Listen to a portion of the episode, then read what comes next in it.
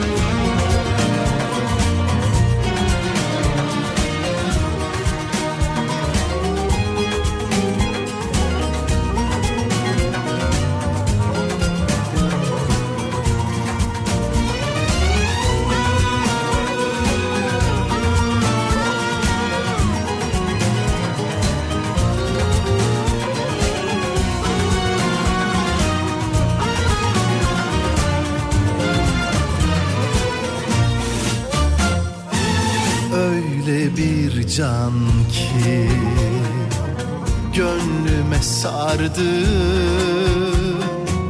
Sonbahar zamanı derken rüyalara daldı. Öyle çok zor ki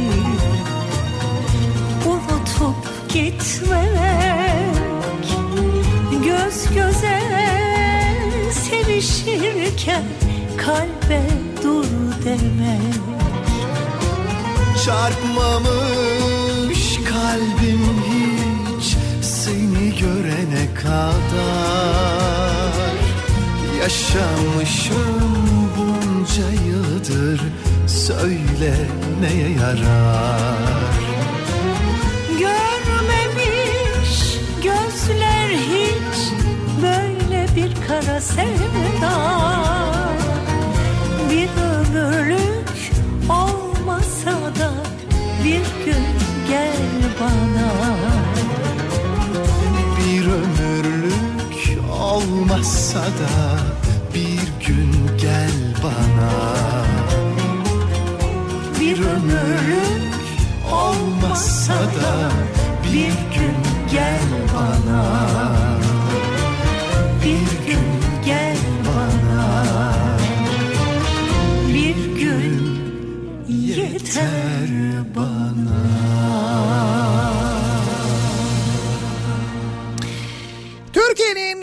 kafa radyosundan, kafa radyodan hepinize günaydın. Yeni günün sabahındayız. Günlerden çarşamba tarih 23 Ekim 7'yi 6 dakika geçiyor saat. Havanın yeni yeni aydınlandığı, hafiften puslu, serin bir İstanbul sabahından sesleniyoruz. Türkiye'nin ve dünyanın dört bir yanına. gözlerimiz buluşsun, ilk kez bakışalım. Ne dün ne de yarın kalsın, biz yeniden doğalım. İlk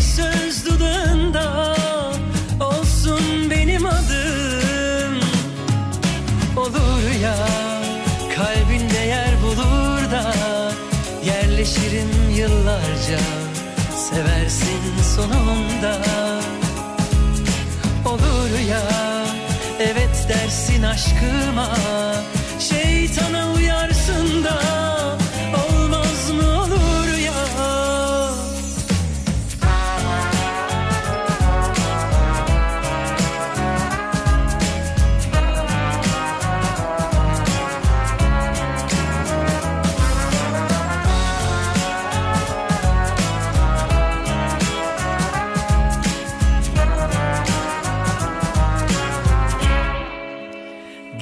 birer çocuk olalım O günden başlayalım. Gözlerimiz buluşsun İlk kez bakışalım. Ne dün ne de yarın kalsın Biz yeniden doğalım. İlk söz dudağında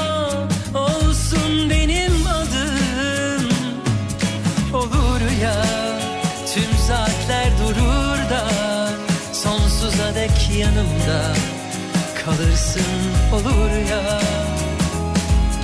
Olur ya ateş bacayı sarar da Yanmaz dersin yanar da Olmaz mı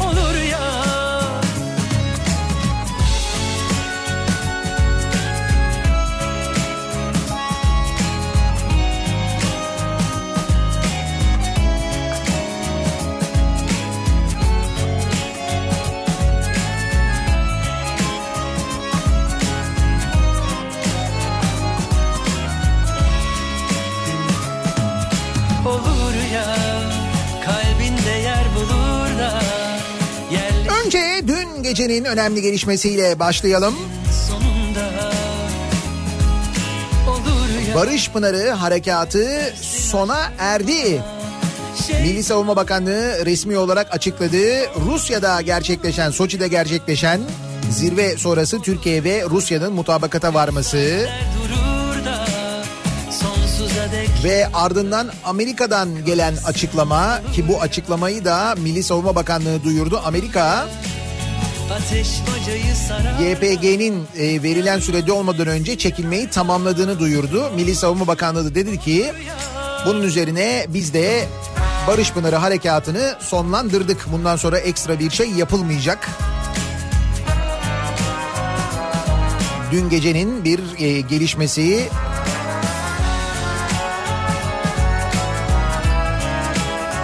En son Milli Savunma Bakanlığı'ndan yapılan açıklama bu yönde sevgili dinleyiciler. Geceden e, son gelişme ki bayağı uzun süren bir görüşme Rusya ile Putin'le. Rusya ile varılan mutabakat sonrası Esad tarafından Suriye yönetiminden gelen bir açıklama var. Esad da e, Rusya'ya teşekkür edip bu mutabakata uyacaklarını duyurmuş. Türkiye'nin adını anmamış ama dolayısıyla biz aslında Şam'la da anlaşmış oluyoruz bu durumda. Gelen açıklamadan öyle anlaşılıyor. Velhasıl e, Barış Pınarı Harekatı'nın bittiğini de Milli Savunma Bakanlığı durduğunu artık bundan sonra bir şey yapılmayacağını da resmi olarak açıklamış oluyor. Son gelişme bu yönde. Dün geceden gelen son haber bu yönde.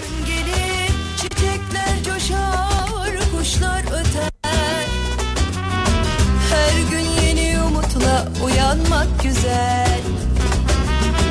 Çiçekler coşar kuşlar öter. Her gün yeni umutla uyanmak güzel. Ne ettimse kendime ettim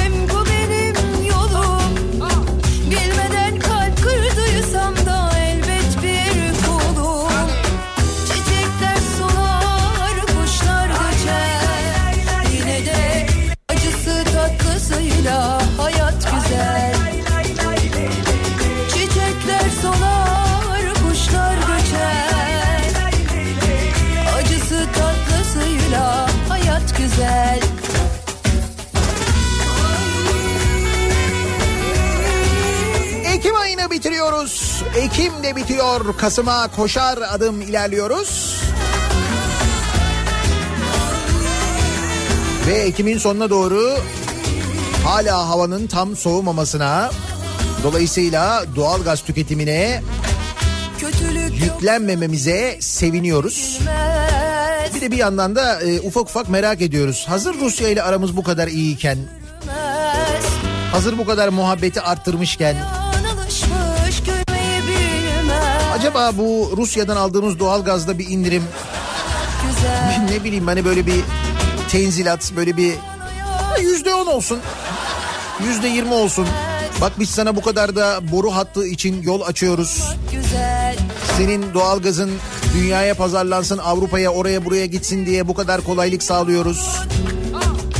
Kırklareli'de senin için ormanları talan ediyoruz o doğalgaz boru hattını yapabilmek için.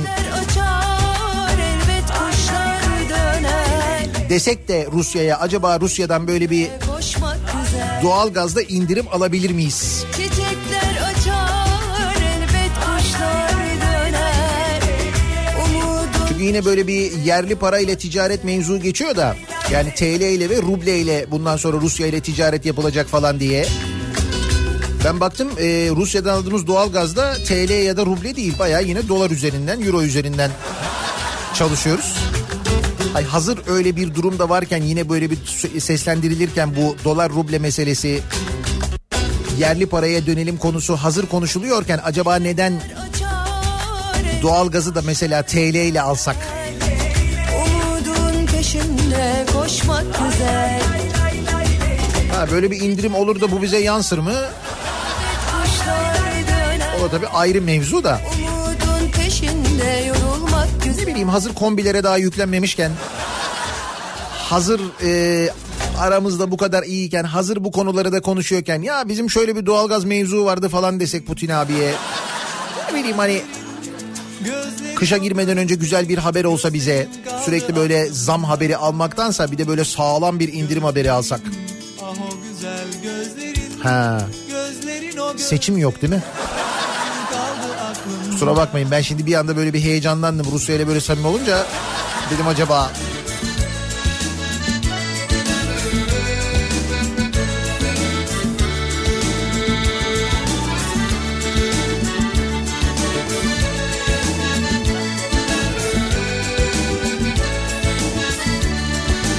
Yeni yılda yaklaşıyor. Günler bir 2020 yılına doğru gidiyoruz ya. 2020. bir tek şey Bu aklım 20-20 üzerine kim bilir neler yapılır biliyor musun? Ne muhabbetler döner. 20-20. Yılbaşına yaklaşırken şey bir mevzu daha.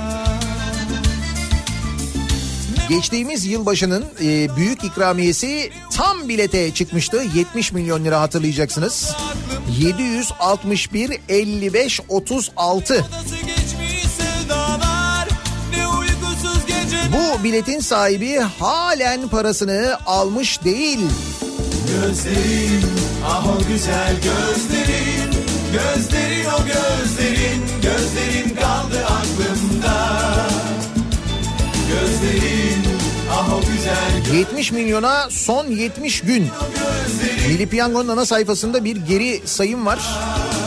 O geri sayımla birlikte eğer önümüzdeki 70 gün içinde bu para alınmazsa, bilet sahibi gelmezse 70 milyon hazineye devroluyor.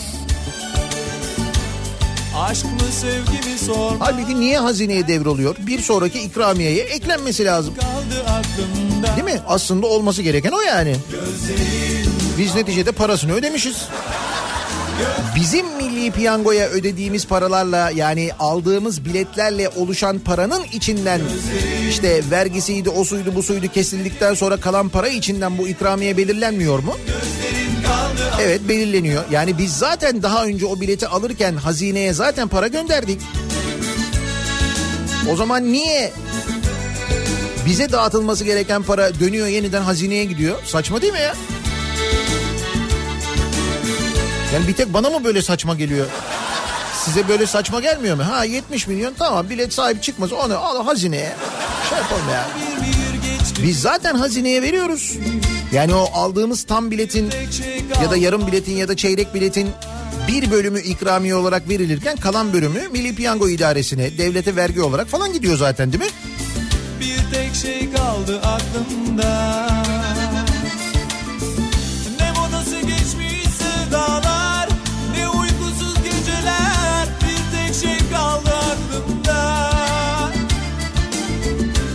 Ha, bu saate kadar e, kazanan çıkmadıysa belli olmadıysa bu saatten sonra da olmaz onu söyleyeyim.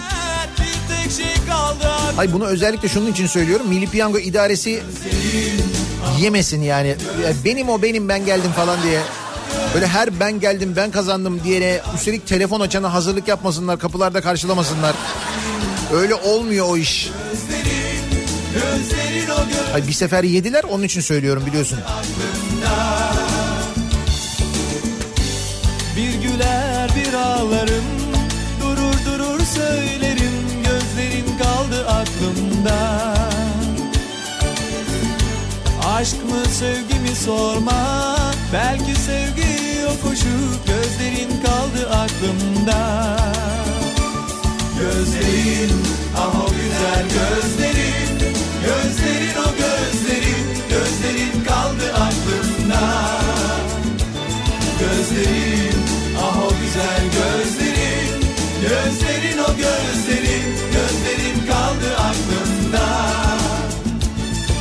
Gözlerin ah o güzel gözlerin Gözlerin o gözlerin Gözlerin kaldı aklımda. Gözlerin ah o güzel gözlerin Gözlerin o gözlerin Gözlerin kaldı aklımda. Son bir umut geçen yılbaşından kalan biletleri kontrol eden dinleyicilerimiz var. Hani acaba bir ihtimal belki yanlış okumuş olabilir miyim acaba? Hatırladım sevdiklerimi. Ya seninki 7 ile bile başlamıyor. Ne yapıyorsun? Alemdi aradım o günlerimi. İlk sevgilim hangisi? Nasıl yaktım bunca ateşi? İnanmazdım görmesem karşımda. Aşk tüten bu yüzleri. Kimi ağlattı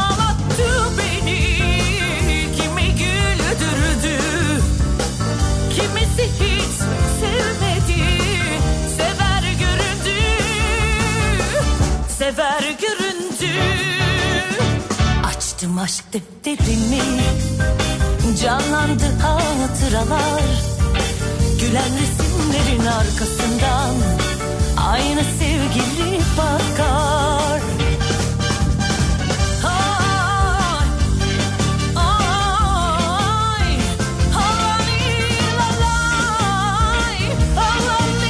Simit Oxford sözlüğüne girmiş.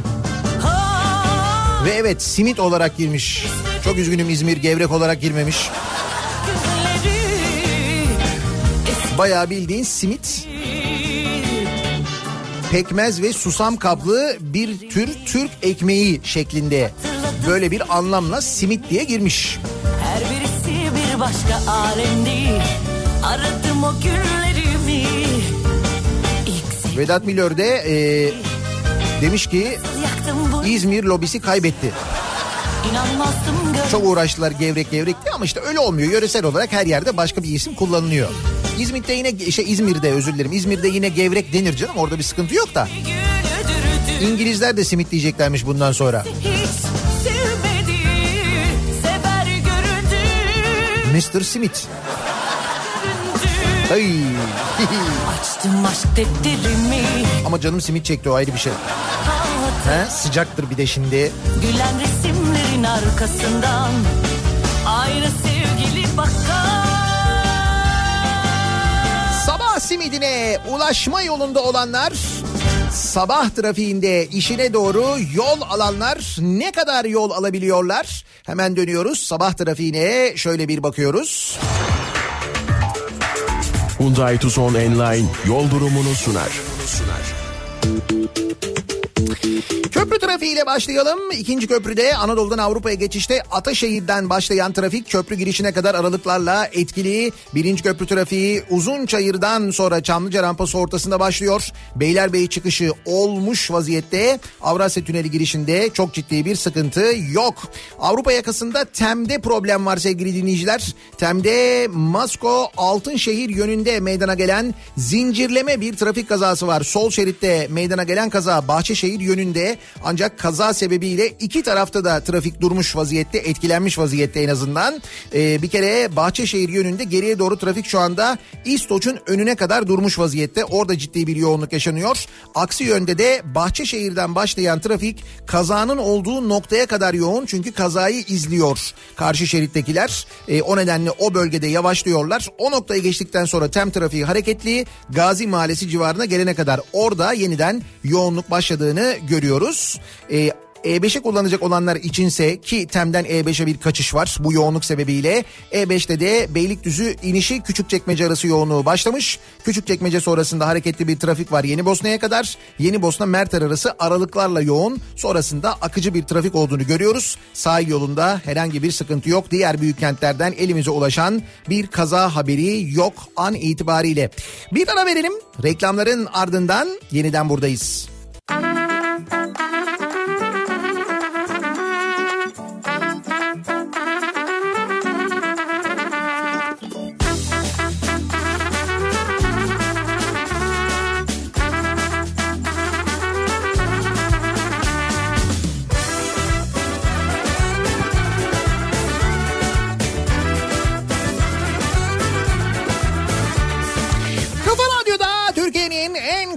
Radyosunda devam ediyor.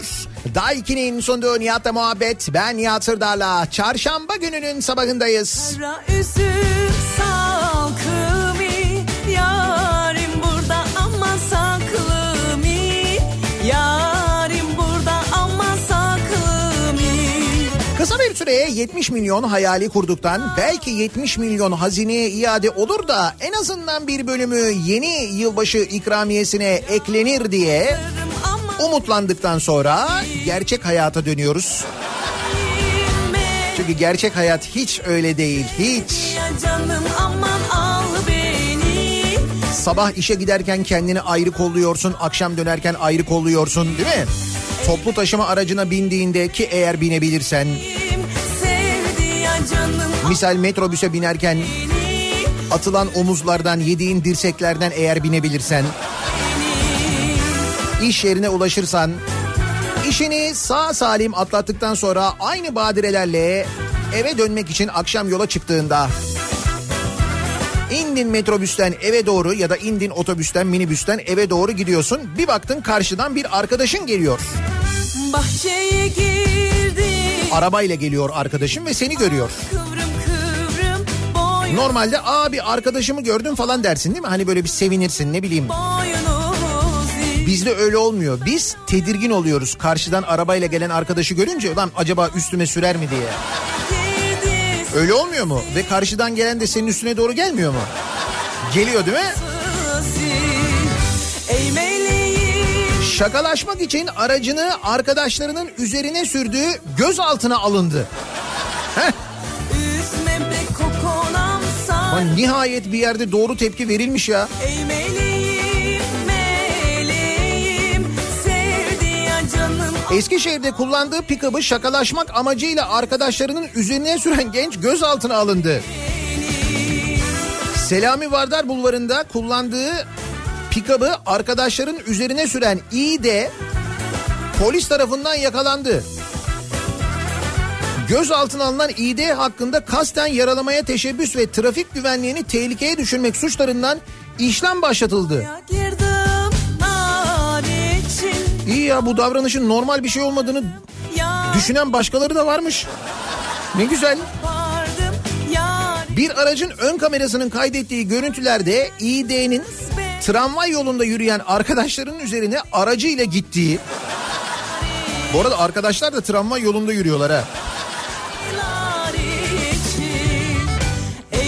Daha sonra yaptığı ani manevrayla önce farklı bir aracı tehlikeye düşürdü.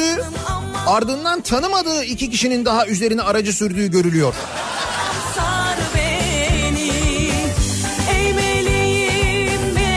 Demek ki İD'nin pek arkadaşı yok.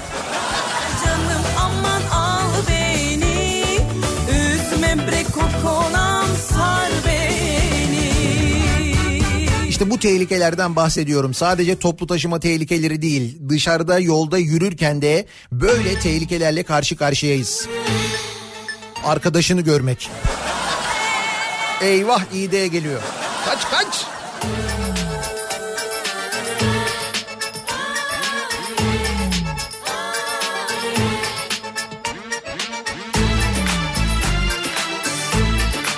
Bu kadar tehlikesine rağmen bu ülkeyi belki de senden benden bile daha çok seven yabancılar yaşıyor memleketimizde biliyor musunuz bunu? Söylediklerini, yazdıklarını, çalışmalarını okuduğun zaman, duyduğun zaman gerçekten vay be dediğin insanlar yaşıyorlar bu ülkede. Misal adam bu kadar tehlikeye rağmen gelmiş Japonya'dan Türkiye'de yaşıyor. Ve diyor ki ki kendisi bir uzman Japon deprem uzmanı Yoshinori Moriwaki'ymiş ismi. Kendisi e, yüksek mimar ve yüksek inşaat mühendisi. Deprem uzmanıymış aynı zamanda ve şöyle demiş. Ben Türkiye'deki ölümlerden utanıyorum demiş. Bak bunu söyleyen bir Japon. Demiş ki Moriwaki, Türkiye dünyada metrekare başına meydana gelen deprem sayısıyla 17. sırada. Ancak depremdeki ölümlerde 3. sırada. Bir Türk olarak bu durumdan utanıyorum demiş. Bak o kadar seviyor ki memleketi o kadar benimsemiş ki bir Türk olarak diyor. Japon kendisi yani. Tekirdağ Namık Kemal Üniversitesi'nde düzenlenen depreme hazır mıyız konulu konferansa konuşmacı olarak katılan Japon deprem uzmanı çarpıcı açıklamalarda bulundu. Dünyanın en uzun asma köprüsü olan Japonya'nın Akashi Kaikyo Köprüsü'nde de yapımında görev almış olan Moriwaki, Cumhuriyet'in 100. yılında 2023'te Çanakkale'de 2023 metre olarak dünyada birinci artık bizde değil Türkiye'de olacak demiş. Japonya ve Türkiye'nin benzer yanlarını farklarını anlatan Moriwaki, Japonya'da 4 tane ada ülkesi ama küçük adalar 2000 tane. Bizde düz yer yok, adalar ve dağlık arazi var. Düz yer olmadığı için mecburen alan da düşük olduğundan gökdelen yapmak zorundayız. Türkiye ise eee, bizim iki katımız araziye sahip.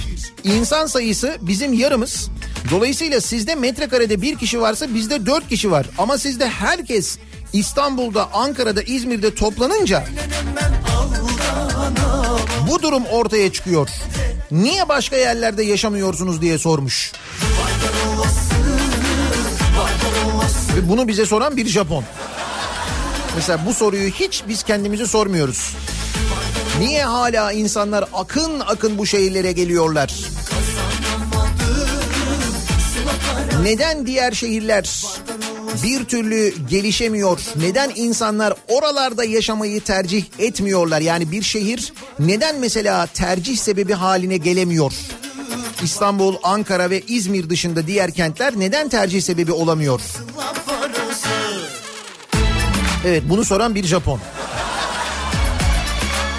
Ve bu konuda hala soran, deprem konusuyla ilgili hala uğraşan, hala Türkleri uyaran bir Japon olması da ayrıca sevindirici. Neden? Çünkü biliyorsunuz biz şunu yaptık. 99 depreminden sonra yine geldiler Japonlar. Onlar yine çok üzüldüler. Dediler ki neden böyle oldu? Bizde de böyle depremler oluyor. Daha büyük depremler oluyor. Sizin kadar can kaybı olmuyor. Dediler kalktılar geldiler. Bir sürü yardımda bulundular. Birçok bilimsel çalışmaya katıldılar. İstanbul'un ve Marmara bölgesinin daha büyük bir deprem beklediği gerçeği ortaya çıkınca faylar incelendiğinde dediler ki o zaman dediler İstanbul'da bu kadar da nüfus varsa bu kadar bina varsa biz bu binaları bu nüfusun yoğun yaşadığı yerleri de kontrol edelim. Sonra kontrol ettiler dediler ki bakınız İstanbul'da zeminden dolayı şu şu şu şu semtlerdeki binalar acilen rehabilite edilmeli. Oralarda kentsel dönüşüm yapılmalı. O binalar yıkılmalı yeniden yapılmalı diye İstanbul'a dair bir kentsel dönüşüm haritası yayınladılar. Böyle bir bilimsel çalışma yaptılar. Sonra biz ne yaptık? Dedik ki arigato gozaimasu dedik. Teşekkür ettik. Hemen dedik bunu yapıyoruz dedik. Hemen kentsel dönüşüm yasasını çıkaralım dedik. Tabii biz bunları Japonlarla kendi aramızda falan konuşurken o sırada bilmiyorduk arkada Canikos'unu. Tabii ki Canikos'u hemen müdahale etti. Kentsel dönüşüm yasası çıktıktan sonra haldır haldır kentsel dönüşümler başladı. Ve anladı ki Japonların hazırladığı kentsel dönüşüm haritasıyla İstanbul'da fiili olarak kentsel dönüşüm yapılan yerleri üst üste koyduğunda yüzde 87 tutmuyor. Yüzde 87 tutmuyor. Çünkü biz kentsel dönüşümü ne? Rantsal dönüşüm, rantsal dönüşüm ya. Rantsal dönüşüm. Tabii tabii rantsal dönüşüm diye anlayarak konuyu tamamen ranta dönüştürdük.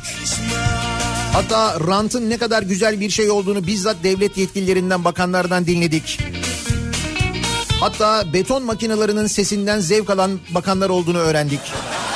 Bu süreçte değil mi? Bunları öğrendik ve bugün 2019 yılında bizi yine bir Japon uyarıyor ve diyor ki bir Türk olarak ben utanıyorum diyor.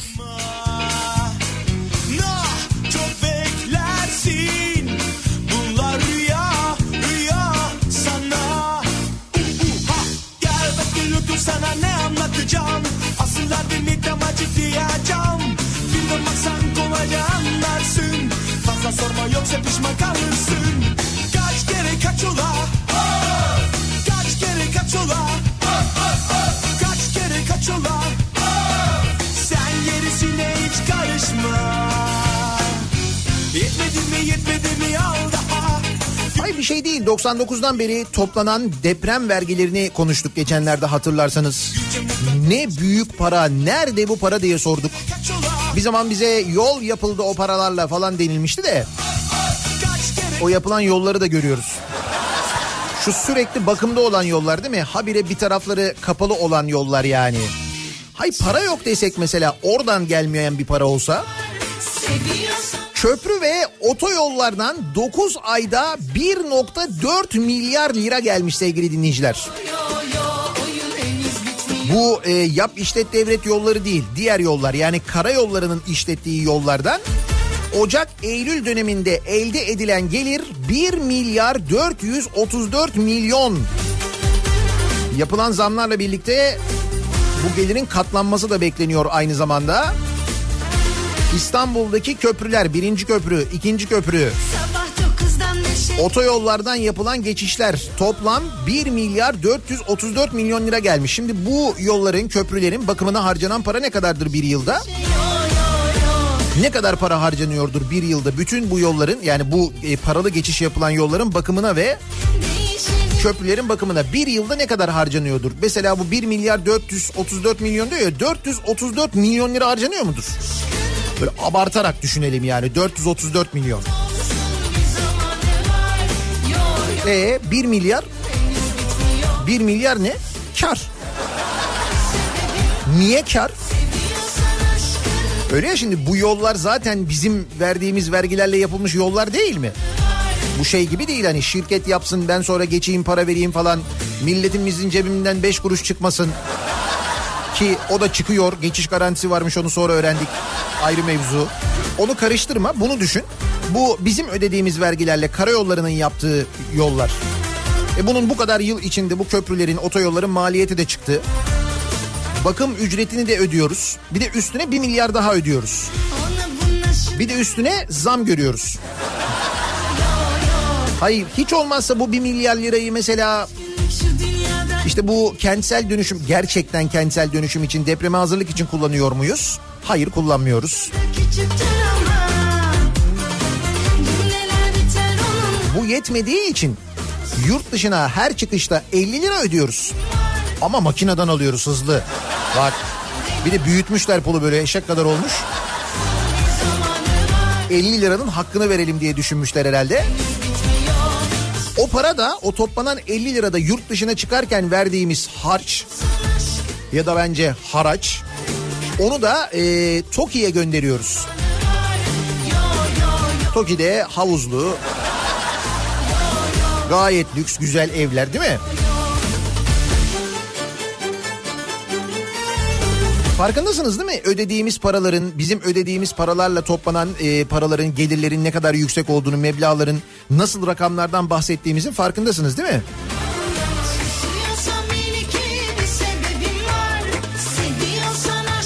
Yani normalde bu kadar çok para toplanıyorsa eğer bir hazinede oranın gerçekten hazine gibi olması memleketin de güllük gülistanlık olması gerekirken nereye gidiyor bu paralar ya?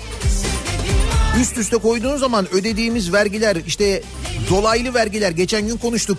ÖTV'si, KDV'si, sigara alırken ödediğim vergi, içki alırken ödediğim vergi, yakıt alırken ödediğim vergi, alışveriş yaparken ödediğim vergi, maaşından haşırt diye kesilen daha sen görmeden ortadan kaybolan o paralar, o vergiler mesela.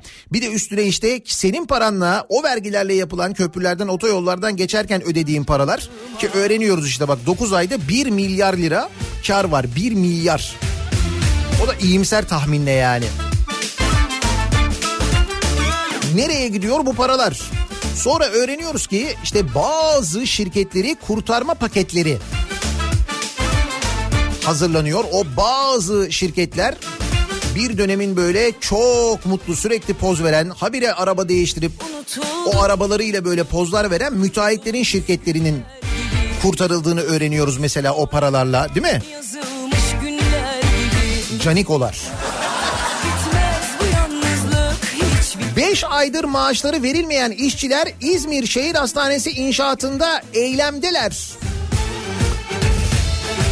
Bakın bu kadar paranın içinde İzmir Şehir Hastanesi inşaatına çalışan işçiler 5 aydır maaşlarının verilmediğini söyleyerek eyleme başladı. barıma Her ayrılık bir 5 ay sadece 5 aydan bahsediyor. E, Somalı işçiler ne yapacaklar? elin bütün 5 yıldır tazminatlarını ödememişler. 5 yıldır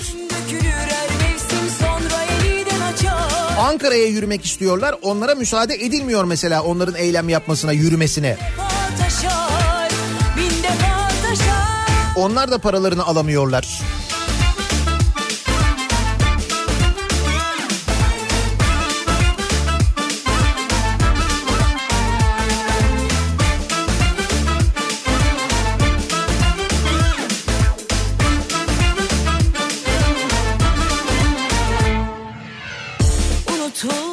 Böyleyken belki bir şeyler değişir mi acaba falan diye düşünürken tabii su uyuyor, Canikosu uyumuyor. Düz bitmez bu yalnızlık hiç bitmez Yeni rant sahaları açılması için canla başla çalışılıyor ve açılıyor da. Dolayısıyla bizim o paralar nerelere gidiyor sorusu böyle böyle ufak ufak yanıt buluyor. Göreme Vadisi yetki karmaşasını aşmak için Milli Park statüsünden çıkarılmış. Dün öğrenmiştik bir Cumhurbaşkanlığı kararnamesiyle Göreme Vadisi'nin Milli Park statüsünden çıkarıldığını dün sabah öğrenmiştik. Tabii doğal olarak herkesin aklına acaba Göreme'de neler olacak? Göreme'yi bir son kez görebilir miyiz? Bir gidelim görelim. Kim bilir oralarda kimlerin otel inşaatları yarım kaldı, tamamlanamıyor. Kim bilir kimler otel inşaatları yapmak istiyor diye herkesin aklında aynı soru belirdi. Kültür ve Turizm Bakanlığı bunun üzerine bir açıklama yaptı. Yetki karmaşasının önüne geçmek için böyle bir karar aldık denildi. Yani Türkçesi şu. Ya adama izin veriyoruz oteli yapsın diye bir sürü kurum bize engel çıkarıyor ya. Ya bırak biz vermişiz işte. Türkçesi bu değil mi? Türkçesi bu yani. Diyor Kültür ve Turizm. Ya ben diyor izni veriyorum diyor ya. Otel yapsın diyor. oraya diyor. Yok milli parkmış bilmem neymiş.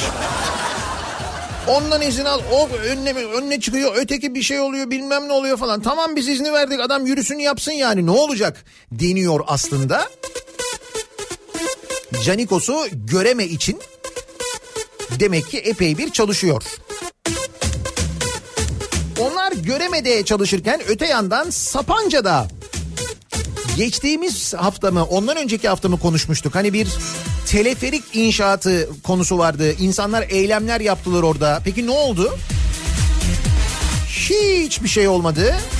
Deprem toplanma alanında bakın Sapanca'da deprem toplanma alanında Sapanca, Sakarya deprem bölgesi hiç acımadılar ve deprem toplanma alanında teleferik inşaatı başlatılmış sevgili dinleyiciler ve bunu yapan da Sakarya Büyükşehir Belediyesi.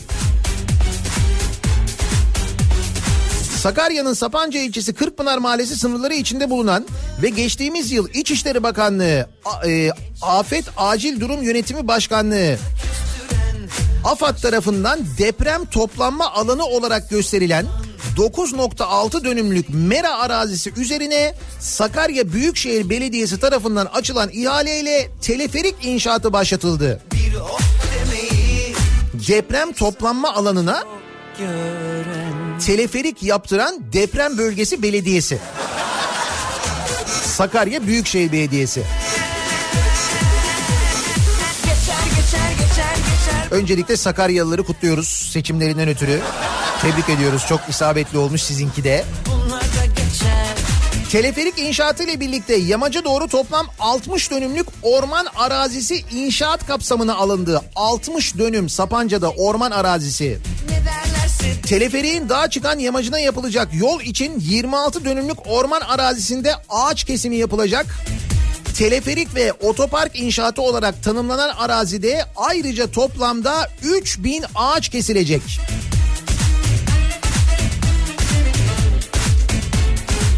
Nasıl? Bence kimin aklına geldiyse ellerine sağlık. Sakarya Büyükşehir Belediye Başkanı Sakaryalılara, Sapancalılara teşekkür ediyor. Beni seçtiğiniz için çok teşekkür ederim. Sizin için bir 3000 ağaç. Evet.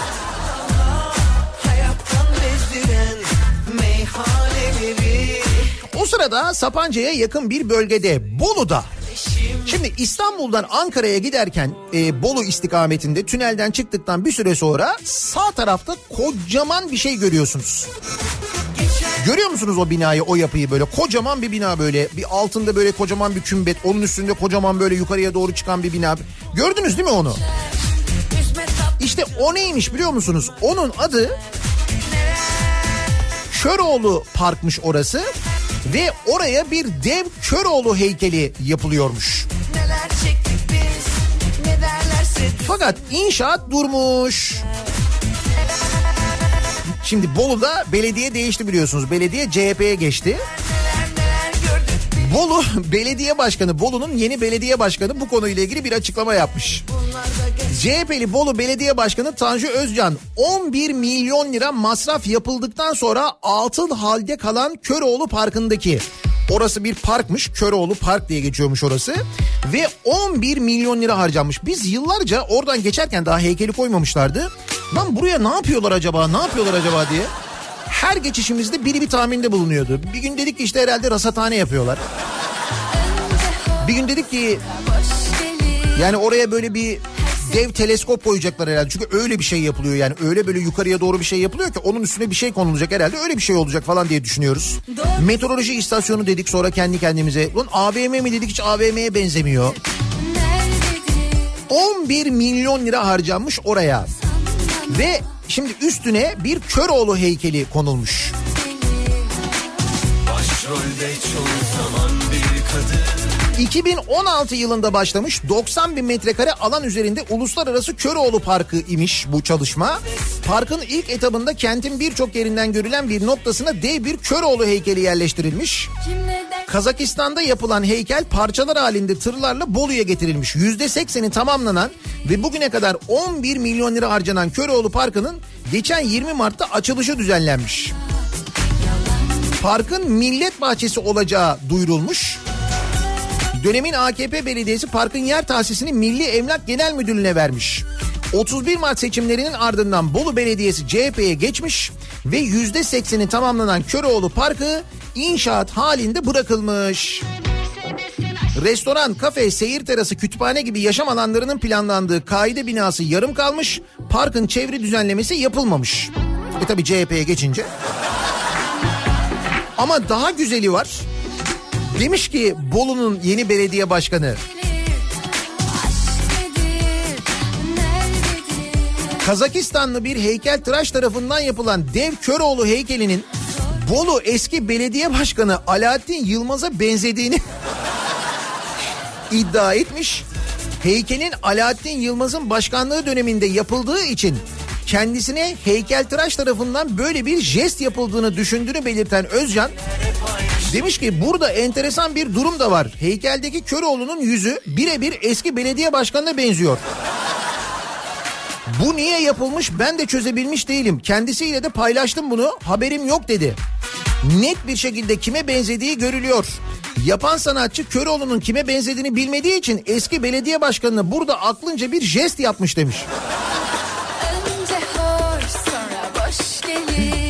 Bir geçerken bir bakın bakalım ya.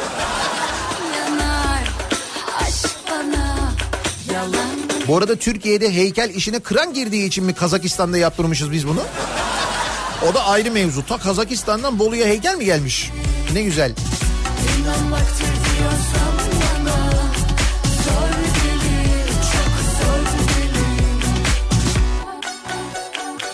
Halbuki ne yetenekli insanlar var bizde. Neden ta Kazakistan'a falan gidiyoruz? Anlaşılır şey değil. Yani düşünün ki bakın Türkiye'de ne yetenekli insanlar var. Adam belediyede mezbahada çalışıyor. Mezbahadan devlet demir yollarına memur olarak atanıyor. Oradan 40 gün sonra daire başkanı oluyor. Sinyalizasyon daire başkanı oluyor. Bak dün sabah konuşmuştuk bunu hatırlıyor musunuz? Bu konu tabii üzerine konuşulması gereken bir konu çünkü. Şimdi neden üzerine konuşulması gereken bir konu biliyor musunuz? Şöyle bir haber var. Şimdi sinyalizasyon daire başkanı bu adam ya. İlahiyat mezunu. Belediyede mezbahada çalışıyor. Şimdi devlet demir yollarında sinyalizasyon daire başkanı ya bu adam. nice kalpler yorgunlar Hislerimde Bakın 9 kişinin hayatını kaybettiği tren hattında hala sinyalizasyon yok. Sinyalizasyon sistemi tamamlanmadan açılan yüksek hızlı tren hatları ve banliyö hatları tehlike oluşturmaya devam ediyor. 8 ay geçmesine rağmen sinyalizasyon çalışmasının hala tamamlanmadığı ortaya çıkmış. 8 ay geçmiş üstünden. Bu arkadaş da sinyalizasyon daire başkanı bu arada bak. Mezbahadan gelen arkadaş. Ankara'da 2018 yılında 9 kişinin hayatını kaybettiği Ankara Marşandiz istasyonundaki yüksek hızlı tren kazasının ardından başlatılan sinyalizasyon çalışması hala tamamlanmamış. vermem Ve de bakmam Birleşik Taşımacılık Sendikası Yürütme Kurulu üyesi Ahmet Eroğlu, sinyalizasyon sistemi tamamlanmadan yolcu taşımaya devam edilmesi yeni facialara davetiye çıkarıyor demiş. Kayaş Cebeci arasındaki trenlerin trafiğin merkezden telefonla idaresi sistemi, Hipodrom Sincan arasında da dingil sayıcı sistemi kullanılıyor. Bu yöntemler sinyalizasyon sistemi kadar güvenlikli değil demiş. Ve sinyalizasyonun başında kim var? Aha bu.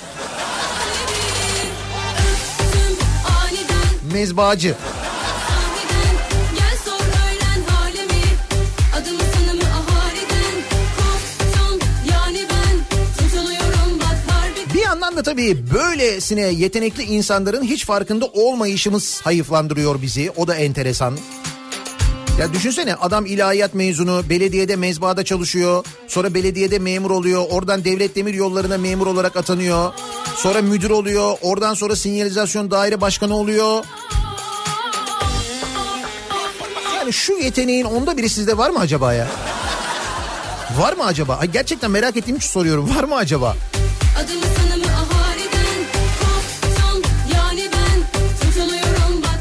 Bilir ne kadar yetenekli dinleyicilerimiz var.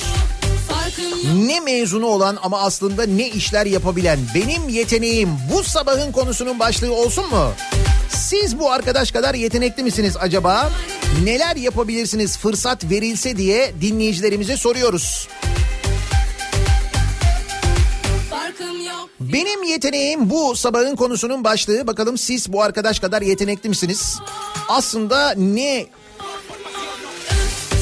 eğitimi aldınız ve ne işler yapabilirsiniz? Kendinizde potansiyel görüyor musunuz? Sosyal medya üzerinden yazıp gönderebilirsiniz. Twitter'da böyle bir konu başlığımız, bir tabelamız, bir hashtagimiz mevcut. Benim yeteneğim bu sabahın konusunun başlığı. Kim bilir belki sizde de sinyalizasyon yönetme yeteneği vardır. Ben çok güzel sinyalizasyon yönetirim diyorsunuzdur. Olur ya vardır belki. nihatetnihatsırdar.com elektronik posta adresimiz. 0532 172 52 32 aynı zamanda WhatsApp hattımızın numarası 0532 172 52 32 buradan da yazıp gönderebilirsiniz mesajlarınızı reklamlardan sonra yeniden buradayız.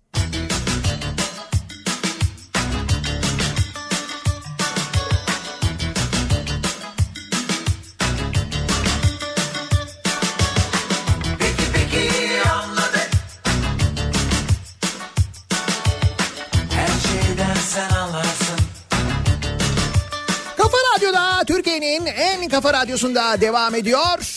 Daiki'nin sunduğu Nihat'la muhabbet. Ben Nihat Sırdar'la.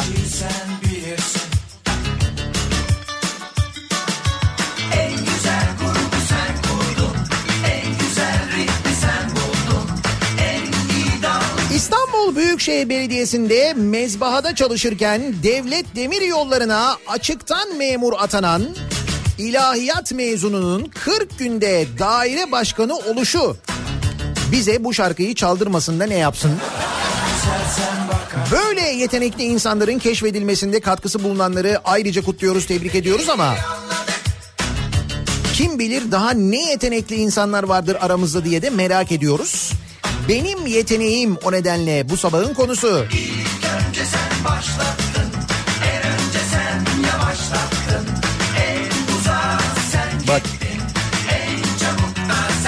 en önce sen yavaşlattın diyor, en uzağa sen gittin diyor, sen döndün diyor. Direkt onu anlatıyor biliyorsun değil mi sinyalizasyon? Sen neymişsin be abi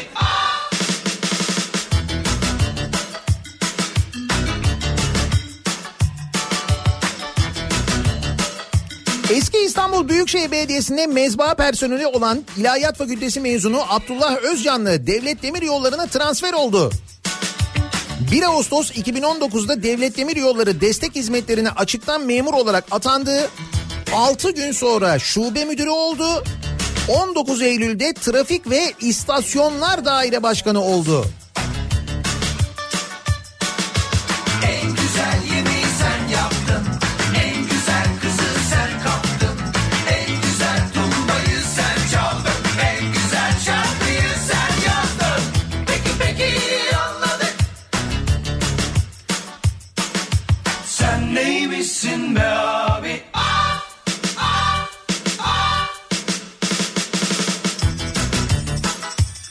30-35 tane para birimi sayabilirim. Bu durumda Maliye Bakanlığı'nda daire başkanı olabilirim diyor bir dinleyicimiz mesela. Buyurun.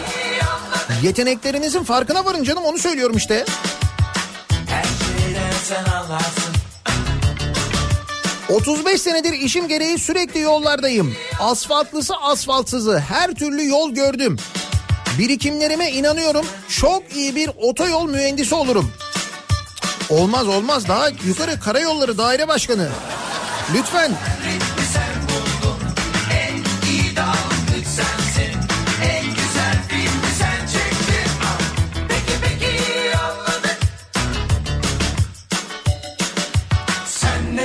sen Ankara Üniversitesi Kimya mezunuyum hurdacılık yapıyorum demiş mesela bir dinleyicimiz. Ankara Üniversitesi Kimya hurdacılık yapıyorsunuz. Sanayi ve Ticaret Bakanlığı'nda bir şey. Daire başkanı olur mu? Bence olur. Çok uzun zaman oldu Ne gururmuş Nihat Bey çok prezentable'ım. Öğretmenim. Aynı zamanda evi geçindirebilmek için hafta sonları dışarıya yiyecek yapıyorum. Çocuklara bakıyorum. Ekstra eğitim veriyorum. Fırsat verilse o Sizi Milli Eğitim Bakanlığı'nda mı değerlendirsek yoksa Bir 14 Şubat Kutlamadık Aile Sosyal Politikalar Bakanlığı'nda daire başkanlığı?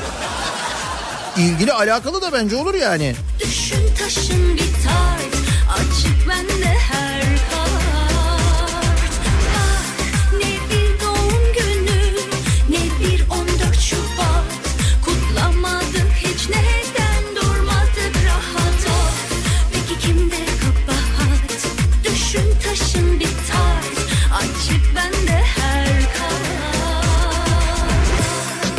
Benim yeteneğim balık hafızalı olmam. Yönetenlerin topluma yaptığı bütün haksızlıkları, kazıkları, rant dağıtımını, doğa katliamını unuturum diyor Feyyaz. Senden anca vatandaş olur. Başka bir şey olmaz. Hiç uymuyorsun bize. Adım atsam bari ne sınır Üç yabancı dilim var. Bir dil daha eklersen bu senyalizasyon işini ben de yapabilirim sanırım. Sus anca böyle Ha. bin kaktüs Bende her yol ya sende hep gül Bak ne bir yıl dönümü Ne bir 14 Şubat Kutlamadık hiç Benim yeteneğim ihale. Çok pis ihale yaparım. O kadar yetenekliyim ki 140 kalem alıma çıkıp 2 kalem malzeme almışlığım var. Bende her harf Senin zikrettiğin paraları duyunca bizim kurum neden bu kadar fakir acaba diyorum.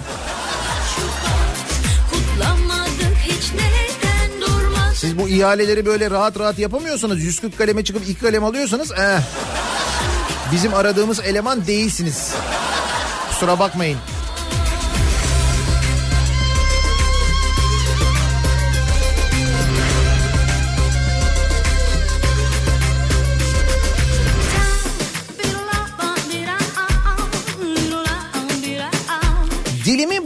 Değdirebiliyorum. En azından bir danışmanlık olur olur. Dil mühim çünkü dil önemli. Yani buruna kadar değebiliyorsa bir şey olur bir danışmanlık kesin olur sizin. Ne bir 14 Şubat Kutlamadık hiç neden durmadık rahat ol Et ve balık kurumunda balık olarak çalışabilirim.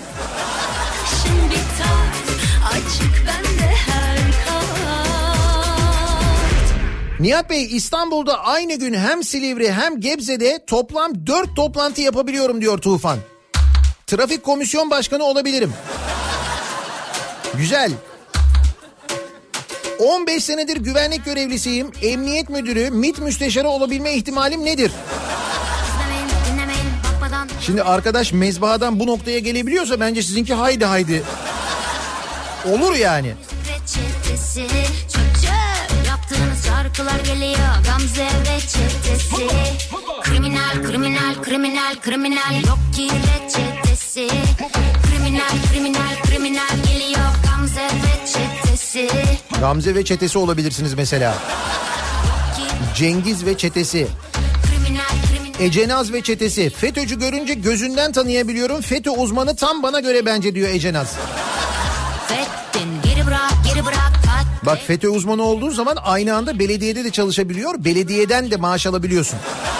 Unutma öyle bir artısı var onun. bu kafa bu Şarkıda yapmış neler bu Neler bu neler bu Ses mes yok ki ara bul Ara bul ara bul Kalırsın yarı yolda deme para bul Para bol bu bir para bol Deliyse hepinizden deliyim Yetenekse topunuzdan doluyum Aranızdan çıkıp birileri bir şey diyecekse Buyursun gelsin ringe de yarı seriyim Kolay ya oralardan öyle atıp tutması.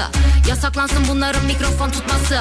Doldu ortalık kendini bilmez bıdık bıdık fındık. Yoluk yoluk bittiksin de ne günlere kaldık. Müzik cılık cılak Ya. Bak gördün mü Gamze dedin. Kulaklarımız kanıyor bir bitmediniz lan. Kriminal kriminal kriminal yo. Kriminal kriminal kriminal kriminal. Yok Nihat Bey 40 yıldır İETT'ye biniyorum. İETT genel müdürü olabilir miyim? Kesin. Direkt.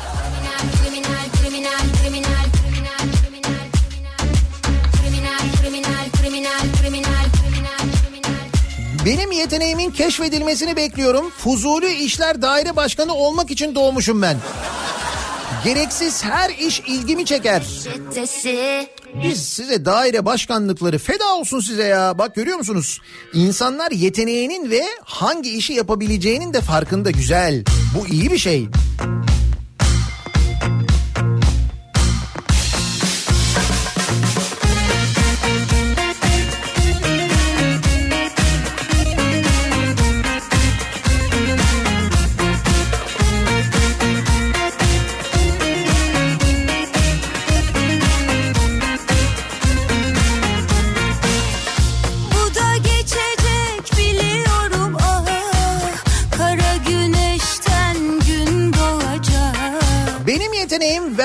Ödemek.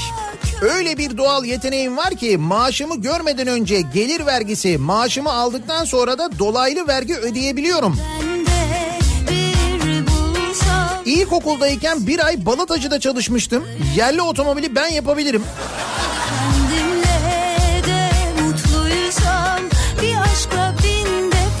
Biz daha geçen e, hukuk fakültesi dekanlarının veteriner olduğundan falan bahsetmiyor muyduk ya? Veteriner hekim olduğundan ve o konuda eğitim aldıklarından falan bahsetmiyor muyduk? Onları konuşuyorduk değil mi? Neşemizi çalsan da biz buradayız bil ki düşmüyoruz yakandan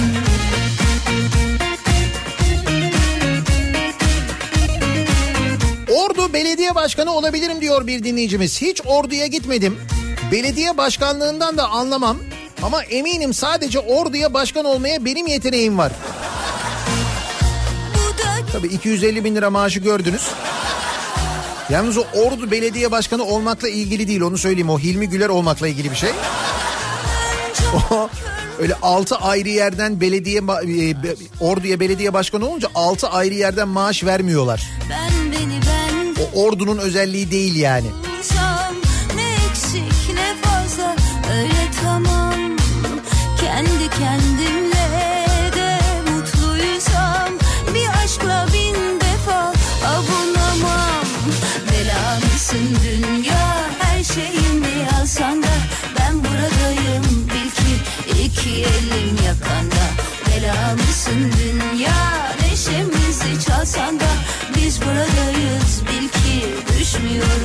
Düşmüyoruz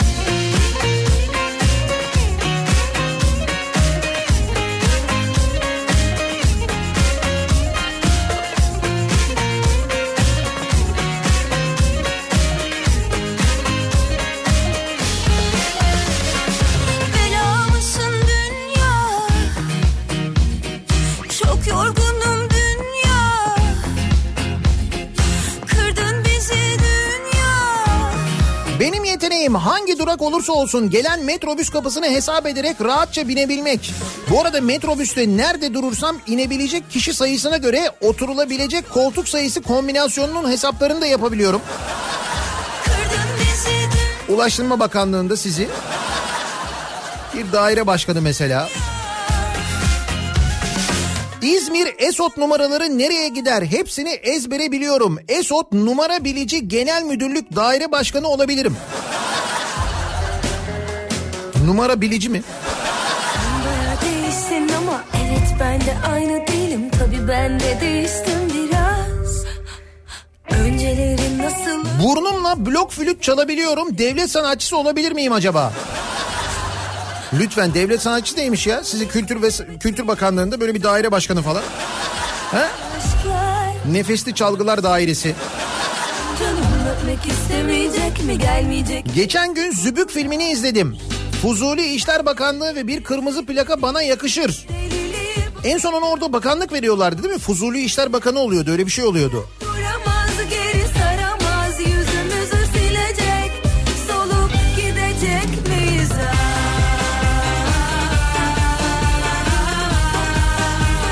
vah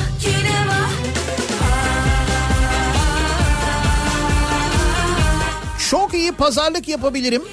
Herhalde bakan olabilirim. Dışişleri Bakanı. Özellikle Kayseri pazarlığı biliyorsanız idealsiniz. Kesin. Anlatsana nasıldı bizden sonraki hayatın Güzel geçirdin mi yılları Düşünsene bir Bir sezon Doktor Who izledim. Ayrıca Doktorlar dizisinin tüm bölümlerini ikişer kez izledim. Şu anda da Mucize Doktor izliyorum. Tıp fakültesi dekanı olabilir miyim acaba? Seni görsem canım Şöyle yapalım. Sağlık Bakanlığı'nda size bir daire başkanlığı verelim. Bence olur. Senle ikimiz iki deliyiz Deliliği bırakıp kopup gidecek miyiz Hayat duramaz geri saramaz Yüzümüzü silecek Solup gidecek Çok güzel BMW kullanabiliyorum.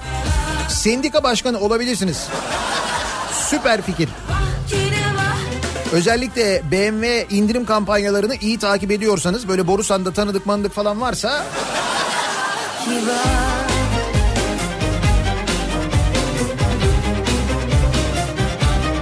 Audi servisinde çalışıyorum.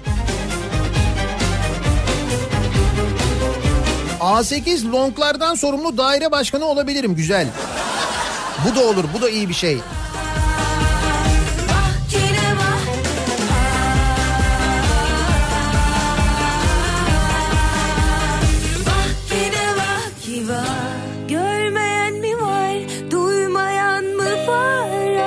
Yeteneğim eskiden tekstilde makinacı, sonra kahvede çaycı, sonra inşaatta amele, sonra fabrikada işçi, en son olarak da şoför olarak çalışıyorum. Acaba 5 maaş alabilir miyim? Bu arada 250 bin maaşı ortaya çıkaran kişi de işten kovduğu bir personeliymiş diye de bir bilgi geldi. Evet o paylaşmış doğru. Hala konuyla ilgili ama bir yanıt falan gelmiş değil benim bildiğim kadarıyla. Ee, 17 yıldır sizi dinliyorum diyor mesela Samet göndermiş İzmir'den. 17 yıldır beni dinliyorsun. Rütük'te çalışabilirsin.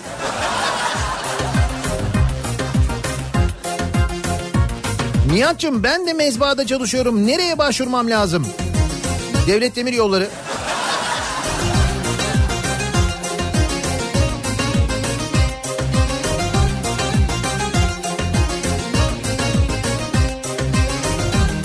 Bilgisayar mühendisiyim, taksicilik yapıyorum.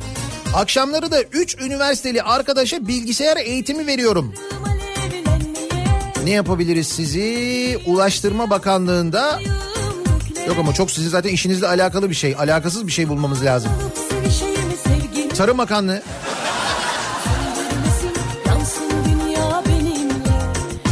Abi İngiltere, Fransa, İspanya, Katar ve Türkiye liglerini çok iyi biliyor ve çok güzel iddia oynuyorum. Spor bakanı olabilirim diye düşünüyorum. Ek olarak NBA'yi de biliyorum. Basketbol Federasyonu Başkanı yapalım size. O daha güzel. Ama NBA biliyorum dediniz. NBA'de doping yapmamışsınız. Yapsaydınız daha kolay olurdu. Hadi gir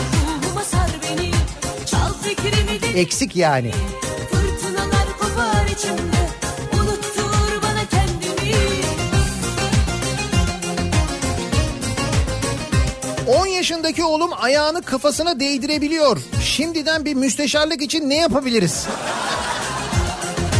Ama sizinki de yani... Gerçi şimdiden ayağını kafasına değdirebiliyorsa oho! Ne müsteşarlıklar ne bakanlıklar.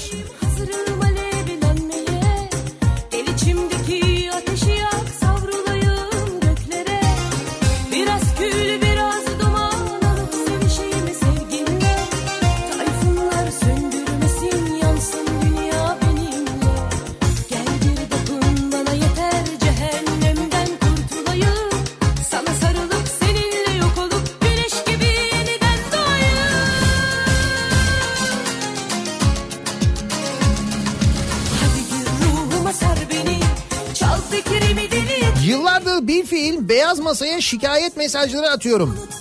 Benim yeteneğim çok iyi şikayet karşılarım. Beyaz masanın başına geçebilirim demiş mesela bir dinleyicimiz. beni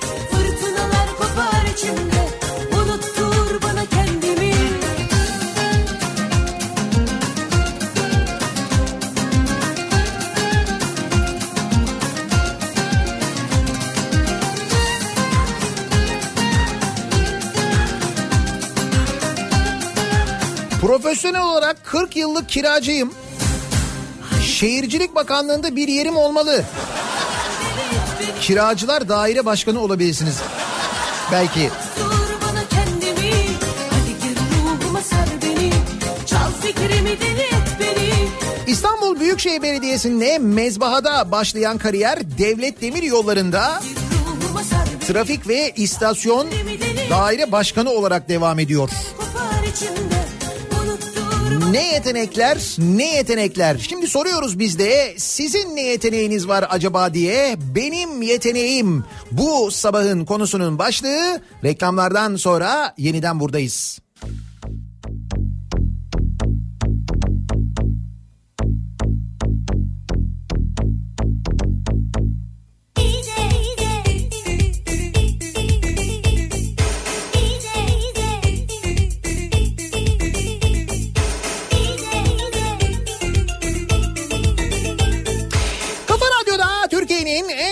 Radyosu'nda devam ediyor. Daiki'nin sunduğu Nihat'la muhabbet. Ben Nihat Sırdar'la çarşamba gününün sabahındayız. gerçeklerden kaçıyor. Kimi kimi gerçek, Ne kadar yetenekliyiz, ne kadar yetenekliyiz. kimi hep bir şeyler, Belediyede mezbahadan kimiden. raylı sistemlere nasıl geçebiliriz? Açıyor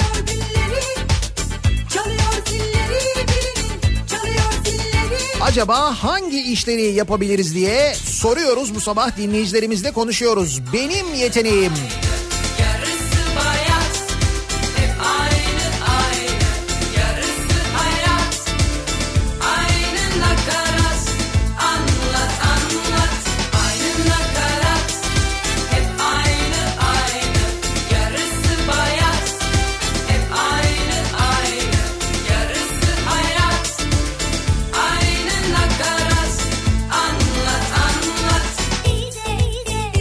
Yetenek mi bilmem ama benim yeteneğim sadece insan olmak. Mesela az önce ana yol ortasında kalmış bir minnak kediyi oradan kurtardım. Diyor Canan göndermiş. Eh. Çok fazla vicdan, çok fazla insanlık var. Olmaz. Kiminin öfkesi yangın, kiminin tövbesi. Boş zamanlarımda Türkiye orman ve denizler belgeselleri izliyorum. Nerede ne villa, otel yapılır hepsi aklımda. Her gün bunalım Hatta Canikos'un özel kalem müdürlüğü mesela. Olabilir mi acaba? Zilleri birinin, çalıyor zilleri. 12 yıldır ilaç firmasında çalışıyorum. 5 yıldır da yabancı firmada. Dışişleri Bakanlığı'nda bir şey acaba? Tülay olabilir bak güzel. Bir konsolosluk, bir büyükelçilik. Neden olmasın?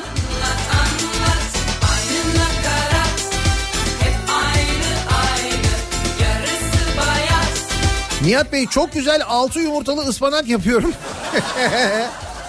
Sağlık Bakanlığı'na daire başkanı olabilirim. Siz önce bunu bir şarkı yapın. Bence.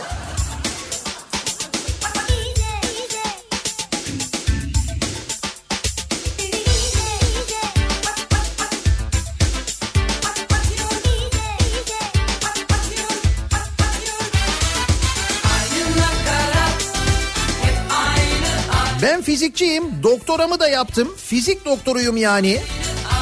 Diyorum ki kuantum fiziğine lanet olsun.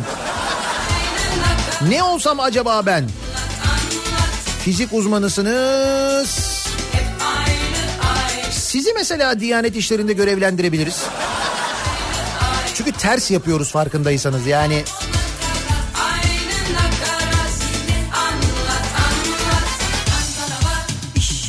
Benim mesleğim oto boyacılığı. Durmaksızın bir hafta boyunca zımpara yapabiliyorum. Biraz azimle daha da geliştirip sürtünmeden enerji üretme ihtimalim var. Acaba diyorum daire olmasa da Enerji Bakanlığı'nda bir oda başkanlığı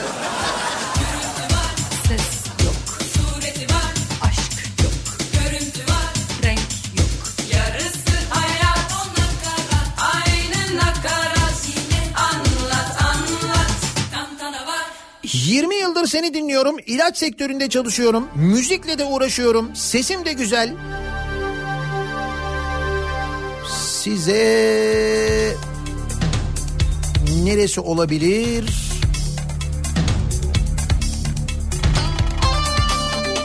Sanayi ve Ticaret Bakanlığı.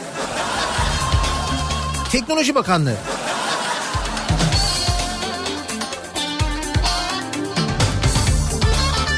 Bildiğin kabiliyetsizim.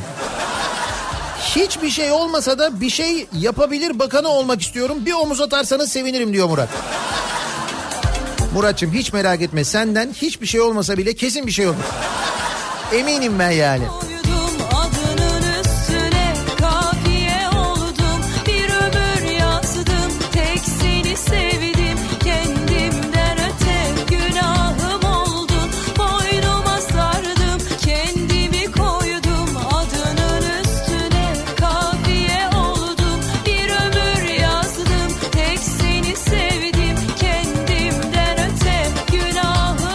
Nihat Bey kardeşim benim yeteneğim dilimi burnuma değdirebiliyorum.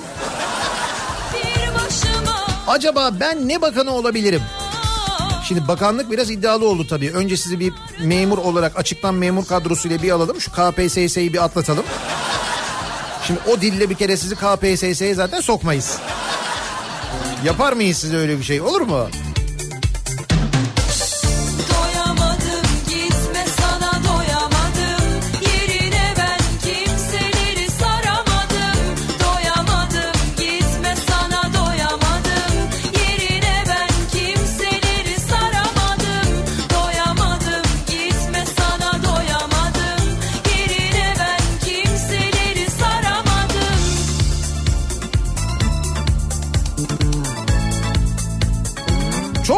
İnek sağar koyun güderim. Acaba bir bankaya genel müdür olabilirim. Biraz da paraya yön vereyim. Güzel herkes bir cesaret almış bu atamalardan. O diyor öyle olduysa benden ne olmaz diyor insanlar. Bak ne güzel işte benim de istediğim buydu zaten. öte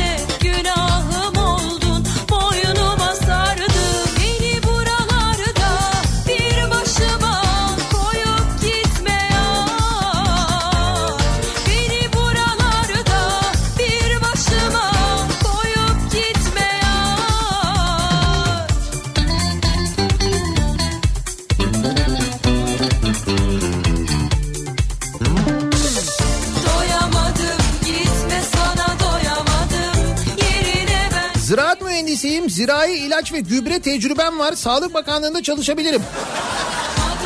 yerine ben kimseleri saramadım doyamadım gitme sana doyamadım yerine ben kimseleri saramadım doyamadım gitme sana doyamadım yerine ben kimseleri saramadım doyamadım 53 yaşındayım. 33 yıldır hem vergi veriyorum.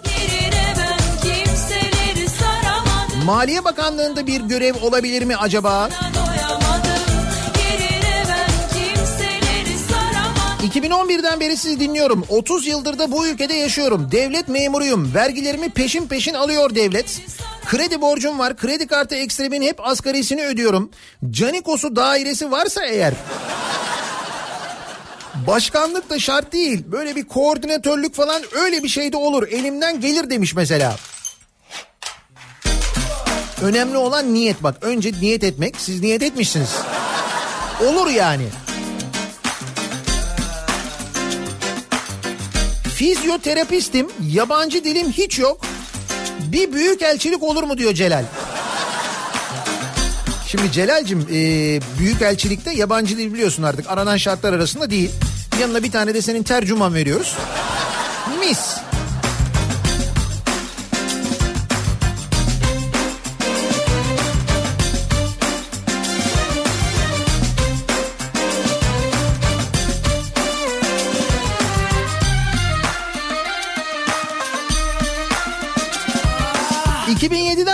Kargo ve lojistik işi yapıyorum.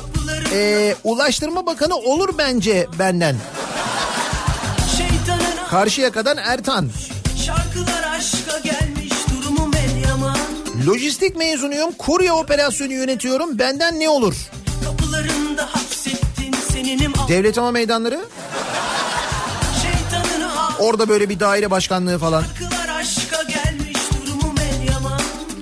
Belediyede şoförüm. Demek ki benim artık başkan olma zamanım gelmiş diyor Gürcan. Kaderin bitmek bilmeyen oyunu mu bu? Şeşicar ve bencüse Severim güzeli gencüse Gönül uslanmaz kandım işte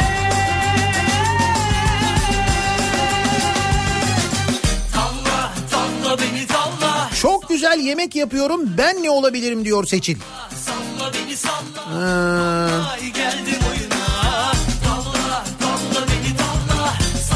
size de Ulaştırma Bakanlığı'nda bir bir görev olabilir pekala.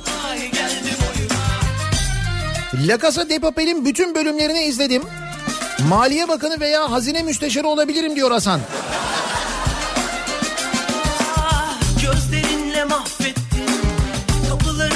kadar yetenekli insanın olduğu bir memlekette gerçekten de yaşıyor olmak gurur verici. Üstelik insanın hayal gücünü de besliyor. Bursa'da bizi dinlemekte olan dinleyicilerimize bir duyurumuz var. Bursa'ya geliyoruz ayın 9'unda. 9 Kasım'da Bursa'dayız. 9 Kasım gecesi Bursa Jolly Joker'de 90'lar kafası yapıyoruz. 90'ların şarkılarıyla Bursa'da bizi dinleyenlerle eğleniyoruz. Kulları zarları Salla salla beni salla Vallahi geldim oyuna Talla talla beni talla Biletler Bilet X'te satışta buradan temin edebiliyorsunuz. Bursa Jolly Joker'den temin edebiliyorsunuz. Haberiniz olsun. 9 Kasım'da Bursa'ya geliyoruz. Haftaya bu arada e, Antalya Altın Portakal Film Festivali'ne geliyoruz. 56. Antalya Altın Portakal Film Festivali'nin medya sponsoru Kafa Radyo. Bana zarlar hileli 30 Ekim akşamı yayınımızı Antalya Altın Portakal'dan gerçekleştiriyoruz. Ve Severim güzeli gencüse Haftaya bir Antalya yayınımızda olacak yani.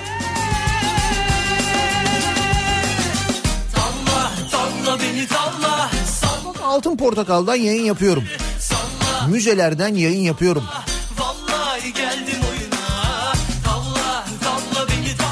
Yani benden de aslında mesela Türk Hava Yolları'na genel müdür. Ha, bu kadar uçunca mesela.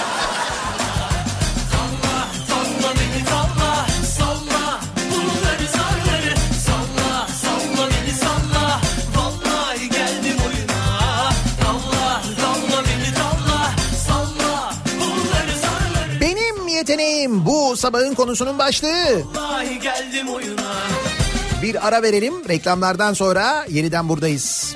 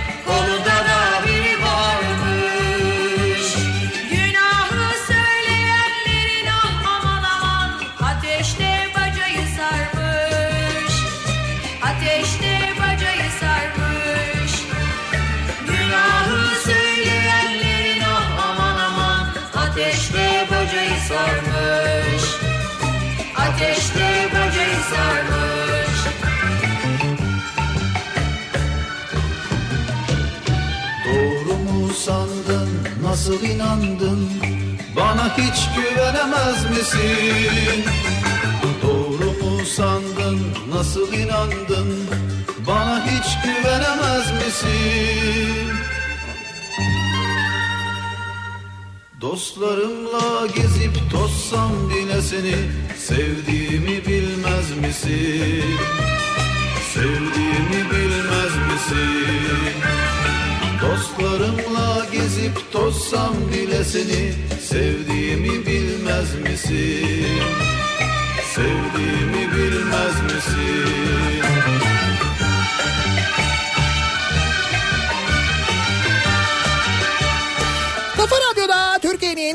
Kafa radyosunda devam ediyor. Daiki'nin sunduğu Nihat'la muhabbet.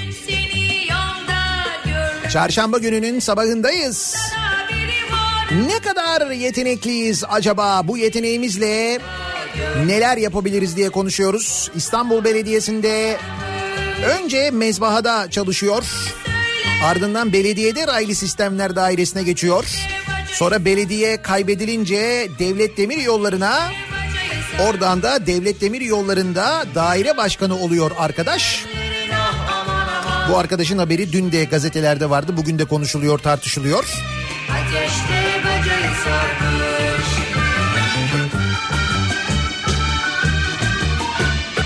Ayrılık kaderimiz kaderimiz Biz de hangi eğitimle hangi işi yapabiliriz diye acaba ne yeteneğimiz var diye sorduk dinleyicilerimize.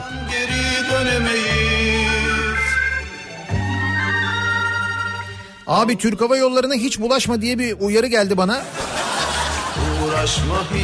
Zaten teknisyenleri maaşları eridiği için tek tek ya istifa ediyor ya da sarı sendikadan kurtulmaya çalışıyorlar demiş. böyle Türk Hava Yolları'nda çalışan bir dinleyicimiz göndermiş. silemeyiz Türkiye'nin ve dünyanın gündemi son gelişmeler birazdan Kripto Odası'nda Uğraşma Güçlü Mete sizlere aktarıyor olacak. Bu akşam 18 haberlerinden sonra eve dönüş yolunda Sivrisinek'le birlikte ben yeniden bu mikrofondayım. Tekrar görüşünceye dek hoşçakalın.